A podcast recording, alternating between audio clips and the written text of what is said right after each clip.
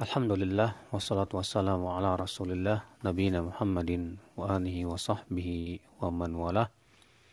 Asyhadu an la ilaha illallah wahdahu la syarikalah wa asyhadu anna Muhammadan abduhu wa rasuluh. Amma ba'd. Insyaallah kita akan memulai kitab pembahasan kitab Al-Fiqhu Al-Muyassar fi Dhawil Kitabi was Sunnah fikih yang dimudahkan. Ya sesuai dengan Al-Qur'an dan Sunnah. Di mana buku ini adalah tentang ringkasan fikih. Satu jilid ya yang ditulis oleh Nukhbah minal ulama. Beberapa ulama yang tidak disebutkan di sini dan diberikan tamhid oleh Syekh Saleh bin Abdul Aziz Al Syekh. Di mana kitab ini uh, sudah kita sebut tadi isinya adalah tentang ringkasan ya fikih. Karena kitab fikih itu ya kitab yang sangat tebal ya. Imam Nawawi saja menulis kitab fikih Imam Syafi'i ya, sampai 24 jilid itu pun juga belum selesai. Ibnu Qudamah menulis kitab ya fikih madhab Hambali 15 jilid setiap jilidnya itu tebal sekali. Karena memang pembahasan fikih ini luas sekali. Nah kemudian ya oleh beberapa ulama diringkaslah disarikan dipilihkan yang penting-penting. Ya. Artinya semua semuanya penting tapi kemudian di diringkas dipilihkan yang memang itu adalah merupakan dasarnya, pokoknya. Ya. Yang kemudian jadilah sebuah buku yang berjudul Al-Fiqhu Al-Muyassar. Sebelum kita membahas kitab ini, ya di sini penulis e, memberikan mukadimah tentang makna fikih. Apa sih makna fikih? Al-fiqhu fil lughati al-fahmu fikih secara bahasa artinya paham. Jadi kalau kita memahami fikih ya menurut secara bahasa itu artinya paham. Dalam Al-Qur'an sering kali menyebutkan itu. Contoh misalnya Allah berfirman dalam surat Hud ayat 91. Ya. Di mana kaumnya Syuaib berkata, "Ma nafqahu katsiran mimma taqul." Kami tidak memahami ya banyak ucapan kamu. Ma nafqahu dari faqih yafqahu fikih. Kami tidak memahami kata mereka. Allah juga berfirman Walakin la tafqahuna tasbihahum dalam surat Al-Isra 44 ketika Allah menyebutkan bahwa semua yang ada di langit dan di bumi bertasbih. Maka Allah berfirman walakin la tafqahuna tasbihahum akan tetapi kalian tidak memahami tafqahun faqihah yafqahu. Ya, akan tetapi kalian tidak memahami tasbih mereka. Demikian pula ya Rasulullah bersabda ke mendoakan Ibnu Abbas Allahumma faqihu fid din ya Allah. Fakihkan Ibnu Abbas dalam agama maksudnya fahamkan ia diberikan oleh Allah pemahaman yang dalam itu fikih. Jadi fikih secara bahasa artinya apa? Pemahaman. Adapun fikih secara istilah karena setelah muncul ilmu ada ilmu hadis ya, ada ilmu usul fikih, ada ilmu fikih, ada ilmu tajwid ya, dan yang lainnya. Maka setiap ilmu itu mendefinisikan ilmunya ya masing-masing. Apa itu fikih secara istilah? Yaitu al-ilmu bil ahkami syar'iyyati al-amaliyati al-muktasabati min adillatihat tafsiliyati. Yaitu berilmu tentang hukum-hukum syariat. Jadi fikih itu berbicara sebatas tentang apa? Hukum-hukum syariat. Al-amaliyah yang bersifat amaliyah ya praktek Adapun yang bersifat keyakinan itu dibahasnya dalam masalah akidah. Jadi fikih itu tentang apa? Itu berilmu tentang hukum-hukum syariat yang bersifat praktek. Ya. Al-amaliyah, al-muktasabah min adilatihat tafsiliyah yang diambil dari mana? Itu dari dalil-dalil yang bersifat terperinci. Ya. Beda dengan usul fikih. Kalau usul fikih dia dari dalil apa dia lebih banyak membahas tentang dalil. Bentuk dalil ini apakah perintah, apakah larangan, apakah mutlak atau muqayyad, khusus, umum itu pembahasan usul fikih. Ya kalau fikih membahas apa namanya istimbat. Ya, istimbat itu apa sih? Istimbat itu artinya yang terkandung di dalam hadis tersebut berupa hukum-hukum syariat. Nah, itu namanya fikih. Ya.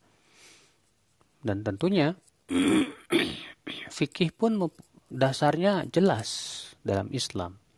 Apa dasar fikih? Yang pertama Al-Quran. Ya, Al-Quran itu sebagai das, paling dasar sudah. Yang kedua, hadis yang sahih.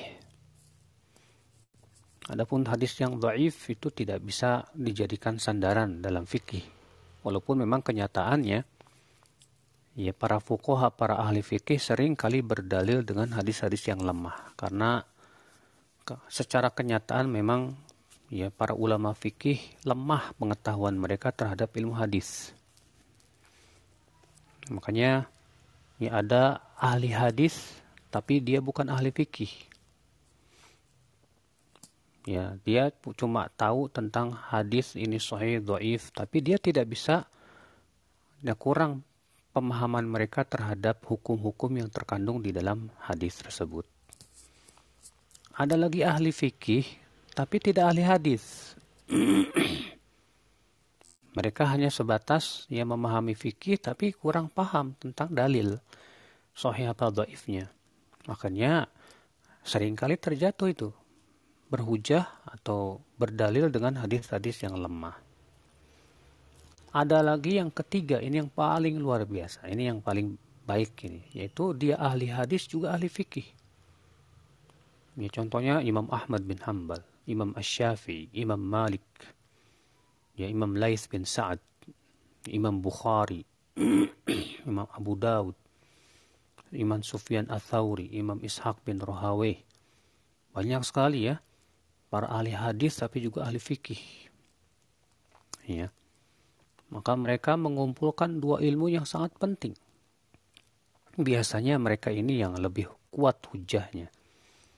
Ya. Kenapa? Karena mereka paham betul hadis ini sahih atau dhaif. Sudah begitu mereka punya pemahaman yang sangat dalam sehingga mereka bisa memahami banyak hukum-hukum yang terkandung dalam hadis. Nah inilah saudaraku sekalian ya makanya kalau kita bisa mengumpulkan dua ilmu ini, ilmu hadis dan ilmu fikih, maka qawiyat hujjatuh. Kuat sekali hujahnya biasanya. Kemudian dasar fikih yang ketiga itu ijma. Apa sih ijma? Ijma itu artinya konsensus, kesepakatan seluruh ulama dunia, bukan cuma sebatas satu negara ya. Kalau misalnya ulama Indonesia bersepakat apa itu ijma ya bukan. Atau ulama Saudi bersepakat apakah itu ijma ya bukan. Syaratnya ijma itu adalah seluruh dunia. Ya, semuanya tanpa terkecuali. Dan kata para ulama, ijma yang paling mungkin mudah untuk dipastikan itu ijma di zaman sahabat. Karena ulama di zaman sahabat masih terhitung. Sehingga untuk mengetahui ya pendapat-pendapat mereka lebih mudah dibandingkan dengan ulama di, zaman tabi'in dan di zaman-zaman setelahnya. Ya, dan tentu, tentunya yang boleh mengatakan ini ijma hanyalah ulama yang telah betul-betul luas pengetahuan dia tentang pendapat-pendapat ulama. Ya. Di antara ulama yang uh, suka berbicara tentang masalah ijma itu Al-Imam Ibnu Hazm. Beliau punya kitab ya, tentang khusus masalah ijma. Di antara juga Al-Imam Ibnu Munzir. Ya. Di antara juga Al-Imam Ibnu Qudamah. Ya, di antara juga apa Al-Imam An-Nawawi. Di antara juga Al-Imam yaitu Syekhul Islam Taimiyah rahimahullah. Tapi ya tidak setiap ucapan seorang ulama telah terjadi ijma itu bisa dipastikan sudah terjadi ijma. Ya, terkadang ulama ini mengatakan mengklaim itu ijma. Ternyata setelah diperiksa tidak terjadi ijma. Sebuah contoh saja misalnya, ya, sebagian ulama meng mengatakan telah terjadi ijma akan wajibnya zakat pada urutut tijarah, barang-barang dagang. Maka Syekh Albani membantah mengatakan tidak ada ijma. Iya, perselisihan dalam masalah ini masih ada. Dan buku yang paling bagus dalam masalah ijma yaitu kitab yang berjudul Mausu'atul Ijma. Ensiklopedia Ijma ya, fil islami dalam fikih islami yang ditulis oleh Dr. Usama bin Said Al-Qahtani. Itu bagus banget ya bukunya tebal. di mana setiap klaim ijma diperiksa oleh beliau. Apakah memang itu atau ternyata ya tidak ada ijma dalam masalah itu masih perselisihan ulama. Itu betul-betul beliau ya tahkik ya, beliau pastikan betul. Itu buku tentang masalah ijma yang paling bagus di zaman sekarang itu. Ini dasar yang ketiga ya. Dan ijma itu hujah. Ditunjukkan oleh Al-Quran. Allah Allah taala mengatakan fa in tanaza'tum fi syai'in farudduhu ila Allahi wa Rasul. Jika kalian berselisih kata Allah, maka kembalikan kepada Allah dan Rasulnya. Jika kalian berselisih, berarti kembalikan ke mana kalau berselisih? Kepada Al-Quran dan Hadis. Kata Syekh Utsaimin rahimahullah, berarti kebalikannya apa? Kalau kalian tidak berselisih alias telah bersepakat, maka itu sudah cukup. Sementara Imam Ash-Syafi'i rahimahullah ya, berdalil akan hujahnya ijma itu dengan surat An-Nisa ayat 115. Allah mengatakan wa may yushaqiqir rasul min ba'di ma tabayyana lahul huda wa yattabi' ghayra sabilil mu'minin nuwallihi ma tawalla wa nuslihi jahannam wa sa'at masira. Siapa yang menyelisihi Rasul setelah jelas kepadanya apa? Ya hidayah. Dan tidak mau mengikuti jalannya kaum mukminin. Kata Imam Syafi'i maksudnya kesepakatan mereka. Nuwallihi matawalla kami akan biarkan ia luasa dalam kesesatannya itu. Wa nuslihi jahannam dan kami akan bakar ia dengan neraka jahannam. Wasaat masyara dan itu seburuk-buruk tempat kembali. Kata Imam Syafi'i itu menunjukkan bahwa ijma kaum mukminin hujjah. Kenapa? Karena Allah mengancam orang yang menyelisih ijma dengan api neraka. Ya. Tapi sekali lagi ya, setiap ada orang yang mengklaim terjadi ijma harus diperiksa juga. Benar nggak itu terjadi ijma dalam masalah itu? Kemudian saudaraku sekalian, makanya ya Imam Imam Ahmad pernah berkata begini, Manid da'al ijma faqad kadab. Siapa yang mengklaim ijma, sungguh ia telah berdusta. Ya, beliau membantah sebagian ahli apa sebagian orang yang mudah sekali mengklaim ini ijma ulama, ini ijma ulama. Ternyata nggak ada ijma dalam masalah itu. Ya, hati-hati maksudnya dalam di dalam mengklaim ijma itu hati-hati, nggak boleh sembarangan. Kemudian dasar yang keempat itu kias atas pendapat jumhur ulama. Ya, memang kias ini diperselisihkan apakah ini termasuk dasar atau dalil. Kalau Ibnu Hazm mengatakan tidak. Akan tetapi pendapat Ibnu Hazm ini lemah sekali. Ya.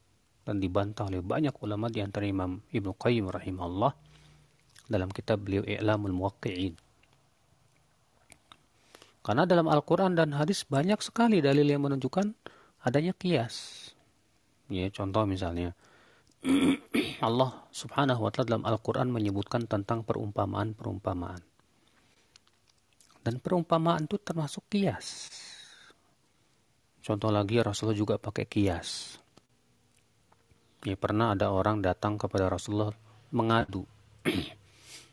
ya Rasulullah, saya dan istri, saya putih kulitnya. Tapi kenapa anak saya kok hitam? Ya, dia seakan-akan menuduh jangan-jangan istrinya ini serong gitu. Apa jawab Rasulullah SAW kepada orang itu? Kamu punya unta nggak? Punya, ya Rasulullah. Ada nggak anak unta yang kulitnya beda sendiri dengan kedua orang tuanya? Ada. Kata Rasulullah, kenapa bisa terjadi seperti itu? Ya, kata orang ini, kata sahabat ini, barangkali bapak-bapaknya terdahulu, nenek moyangnya ada yang berkulit seperti itu. Kata Rasulullah, demikian pola ini. Ya, barangkali di antara bapak-bapakmu, kakek-kakekmu dulu ada yang punya berkulit seperti ini. Lihat Rasulullah mengkiaskan di sini. Ya. Akan tetapi kata para ulama, ya rahimahullah, kias itu boleh dipakai kalau sudah sama sekali tidak ada dalil dari Al-Quran, hadis, dan ijma. Baru boleh pakai kias. Selama masih ada nas dari Al-Quran, hadis, ataupun ijma, kias nggak boleh dipakai. Ya, Imam Syafi'i berkata, Inna ma yusaru ilal qiyas inda darurah boleh pakai kias kalau dalam keadaan darurat saja. Ya, Imam Ahmad mengatakan al-qiyas bimanzilatil maitah. Kias itu ya sama dengan bangkai. Boleh dimakan kalau sudah nggak ada makanan lagi sudah. Ya, apa sih kias? Kias itu adalah ilhaku alfar ya bil asal ilhaqu far'in bi aslin fil hukmi bi jami'il illati bainahuma itu menyamakan hukum cabang dengan hukum pokok karena adanya persamaan ilat apa sih ilat ilat itu adalah sifat yang tampak dan tetap ya dan tidak ditolak oleh syariat jadi menyamakan hukum cabang. Apa itu hukum cabang? Apa cabang? Cabang adalah permasalahan-permasalahan yang baru muncul di zaman sekarang. Sedangkan pokok adalah yang ditunjukkan oleh dalil. Ya. Jadi menyamakan hukum apa namanya? cabang dengan hukum pokok karena adanya persamaan ilat contoh ya di zaman sekarang misalnya ada permasalahan apa namanya ada beras nih ya. di zaman Nabi belum gak, belum ada beras belum kemudian kita lihat nah cabangnya beras maka kita ingin meng mengkiaskan dengan pokok itu yang ada di zaman Nabi dalil ternyata ternyata kita dapati di zaman Nabi ada yang namanya gandum dan ternyata kita lihat antara gadum dengan beras ini ada kesamaan ilat. Apa itu sama-sama makanan pokok. Maka pada waktu itu kita samakan hukumnya. antara beras dengan gandum. Iya. Makanya di situlah penting sekali para ulama membahas ilat ya dari sebuah perintah ataupun larangan. Apa sih ilatnya? Contoh misalnya dalam hadis-hadis disebutkan ya wajib zakat emas dan perak. Para ulama membahas emas dan perak itu ilatnya apa ya? Kebanyakan ulama mengatakan ilat emas itu thamaniyah, harga. Ya, dan ini yang dirojikan oleh banyak ulama di antaranya Al-Imam Ibnu Qayyim rahimahullah. Maka ya, ketika kita sudah tahu ilatnya, oh emas dan perak itu ilatnya apa namanya? harga Berarti di zaman sekarang yang sama dengan emas dan perak sebagai harga apa? Uang. Akhirnya para ulama di zaman sekarang menyamakan ya zakat uang dengan zakat emas atau perak. yang kemudian terjadi khilaf apakah dengan nisab emas atau dengan nisab perak. Ya. Nah, itu pembahasannya nanti tentunya, bukan sekarang. Contoh lagi, Nabi Shallallahu Alaihi Wasallam yang melarang jual beli bangkai. Maka para ulama membahas kenapa bangkai dilarang, apa ilatnya ya? Sebagian mengatakan ilatnya najis. Oh berarti semua yang najis ya hukumnya sama dengan bangkai. Sebagian lagi mengatakan ilatnya karena nggak ada manfaatnya. Sehingga dari situ para ulama mengatakan, oh berarti semua yang tidak ada manfaatnya nggak boleh diperjualbelikan. Contoh lagi misalnya, Allah melarang arak. Apa sih ilatnya arak itu? Kenapa dilarang tuh arak tuh? Para ulama membahas, oh ternyata memabukkan. Ya. Berarti apa? Semua yang memabukkan sama hukumnya dengan apa? Arak ya. Nah, inilah penting sekali ya kalau kita memahami ilat itu penting banget. Supaya dengan kita mengetahui ilat kita akan mengetahui ya hukum-hukum yang akan kita kiaskan.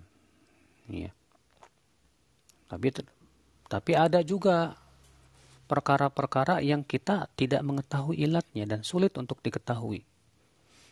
Ini contoh misalnya kenapa sholat subuh dua rakaat Nggak, kita nggak tahu. Ini biasanya disebut oleh para ulama dengan ya perkara-perkara yang bersifat ta'abudi. Ya, ta'abudi itu artinya kita nggak murni ibadah sudah. Ibadah mahdoh sudah. Kenapa kalau sholat dimulai dengan takbir? Kenapa nggak dengan tasbih? Itu kita nggak tahu ilatnya apa. ya, Nah ini hal-hal seperti ini tidak bisa dikiaskan. Kenapa? Karena kias itu bisa dipakai kalau kita tahu ilatnya. Sementara kita tidak tahu ilatnya apa. Nah ini saudaraku sekalian ya. Tentunya pembahasan tentang kias itu pembahasan secara terperinci ya adanya di dalam kitab usul fikih bukan di sini. Nah ini empat apa empat eh, dasar dalam ilmu fikih. Walaupun ada juga perkara-perkara yang lain di yang masuk di dalamnya sebagai dalil. Contoh pendapat sahabat Imam Syafi'i, Imam Ahmad dan Imam Abu Hanifah ya mengatakan bahwa pendapat para sahabat itu hujah. Ya, apalagi kalau pendapat sahabat itu ya, tidak ada yang apa apabila seorang sahabat berpendapat kemudian ternyata tidak tidak ada satupun sahabat yang lain yang menyelisihinya. Maka yang seperti ini hujah. Ya, Imam Syafi'i rahimahullah ya, paling paling kuat di dalam menetapkan bahwasanya pendapat sahabat itu hujah. Ya, demikian pula yang lainnya yang dimasukkan oleh para ulama sebagai uh, perkara yang disebut dengan dalil dan tentunya itu pembahasannya bukan di dalam ilmu fikih akan tetapi itu pembahasannya dalam kitab usul fikih. Nah, kemudian apa tema tentang fikih ini? Apa sih yang yang dibahas dalam ilmu fikih itu? Itu af'alul mukallafin minal ibad. Itu perbuatan mukallaf Siapa sih mukallaf? disebut mukallaf itu apabila ia telah balik dan berakal. Itu namanya mukallaf. Ya maka yang dibahas yaitu perbuatan mukallaf. Apa hukumnya? Ya dan tidak lepas dari lima hukum. Wajib atau sunnah atau mubah atau makruh atau haram. Ya di mana ya perbuatan mukallaf itu tidak lepas dari apa hubungan ia dengan Allah, hubungan dia dengan dirinya, hubungannya dia dia dia dengan masyarakat, ya. Sehingga di sana ada yang disebut dengan fikih ibadah. Berarti fikih ibadah berhubungan dengan masalah apa? Sholat, zakat, puasa, haji. Ada lagi yang disebut dengan fikih muamalah Ya, fikih muamalah berhubungan dengan apa? Akad, jual beli, ya. Demikian pula berhubungan dengan apa namanya? Uh, pinjam meminjam, ya. Demikian pula contohnya di antaranya masalah yang berhubungan dengan apa pemberian pidana, ya, atau sifatnya jaminan ataupun yang lainnya. Nah itu tiba itu pembahasannya adalah pembahasan fikih. Ya, jadi fikih itu adalah membahas tentang perbuatan mukallaf. Yang tentunya ya ada yang sifatnya ibadah, ada yang sifatnya muamalah, ada yang sifatnya apa namanya yang berhubungan dengan kodok, yang jinaiyah itu tindakan apa pidana ataupun perdata ya demikian pula hubungan antara negara dan yang lainnya itu juga dibahas oleh fikih Subhanallah saudaraku sekalian, dengan kita belajar fikih, maka kita akan terbimbing. Dan Allah Subhanahu wa taala yang mewajibkan ya sebagian kaum muslimin untuk benar-benar memahami fikih dalam agama. Allah berfirman dalam surat At-Taubah ayat 122, "Wa ma kana al-mu'minuna liyanfiru kaffah." فلولا نفر من كل فرقة منهم طائفة ليتفقهوا في الدين ولينذروا قومهم إذا رجعوا إليهم لعلهم يحذرون dan tidaklah selayaknya kaum mukminin itu semuanya pergi ke medan perang tidak akan tetapi hendaknya ada sekelompok di antara mereka yang betul-betul bertafakuh dalam agama agar apa supaya mereka memberikan peringatan kepada kaumnya ketika mereka telah pulang supaya kaum itu menjadi waspada. Harus ada. Ya. Harus ada di suatu, di setiap kampung itu satu orang atau dua orang atau tiga orang atau sekelompok orang yang mereka betul-betul tafakuh dalam agama harus kalau enggak maka semua kampung itu berdosa ya yang akan mengajarkan mereka tentang Al-Quran, tentang hadis, tentang hukum-hukum agama itu harus harus ada Makanya kata para ulama ya, kampung ataupun negeri yang tidak ada ulamanya itu jauh dari keberkahan. Ya. Jadi kalau kita mau cari rumah, cari rum, cari cari tempat yang di situ ada ilmu dan ulama yang akan mengajarkan kita tentang urusan agama. Ya. Rasulullah SAW bersabda dalam riwayat Muslim, Bukhari dan Muslim, Man yuridillahu bi khairan yufaqihu fid din. Siapa yang Allah inginkan kebaikan untuknya, Allah akan jadikan ia faqih dalam agama. ya, Masya Allah. Berarti orang yang dia apa namanya perhatian banget sama ilmu agama, ya, baik akidah, ibadah, ataupun yang lainnya itu tanda kalau dia itu diinginkan kebaikan oleh Allah Subhanahu wa taala. Berarti sebaliknya orang yang tidak diinginkan kebaikan oleh Allah dia ya dia tidak akan peduli dengan agamanya. Tidak ada semangat dia untuk belajar ilmu agama, tidak semangat dia. Ya cuek, bodoh amat. Saya mau tahu agama, mau nggak tahu abang bodoh, bodoh amat. Yang penting saya punya dunia penting bisa makan dan yang lainnya. Ini berarti ini orang tidak diinginkan oleh Allah kebaikan. Nauzubillah. Iya. Nah inilah saudaraku sekalian uh, pendahuluan kita tentang makna fikih dan keutamaan tafakuh dalam agama. Mudah-mudahan kita termasuk orang-orang yang selalu semangat ya belajar ilmu Allah, ilmu agama, tentang hukum-hukum agama karena kita semua ini hamba-hamba Allah. Kita makhluk-makhluk Allah. Maka tentu ya sebagai seorang hamba kita harus semangat ya mencari ilmu Allah. Dan ilmu Allah itu adalah yang ber, yang ada dalam Al-Qur'an dan hadis-hadis Nabi Shallallahu alaihi wasallam. Tidak ada kebaikan di dunia ini kalau kita tidak ada keinginan mempelajari ilmu Allah Subhanahu wa taala. Karena semua kita akan meninggal. Dan setiap kita akan dikuburkan dan dikubur di kuburan nggak bakalan ditanya tentang rumus matematika di kuburan nggak bakalan ditanya tentang rumus biologi, kimia, nggak. Yang ditanya di kuburan tuh man buka, siapa robmu? Ya, siapa nabimu? Dan apa agamamu? Ini akan ditanya di kuburan, saudaraku. Ya, maka dari itu kalau kita tidak paham ilmu dunia, nggak aib. Nggak aib kita nggak paham ilmu dunia, nggak masalah. kalau di akhirat nanti. Walaupun di dunia mungkin aib. Ya. Tapi orang yang nggak paham agama ini aib nanti di akhirat. Ya. Aib nanti di kuburan aib banget.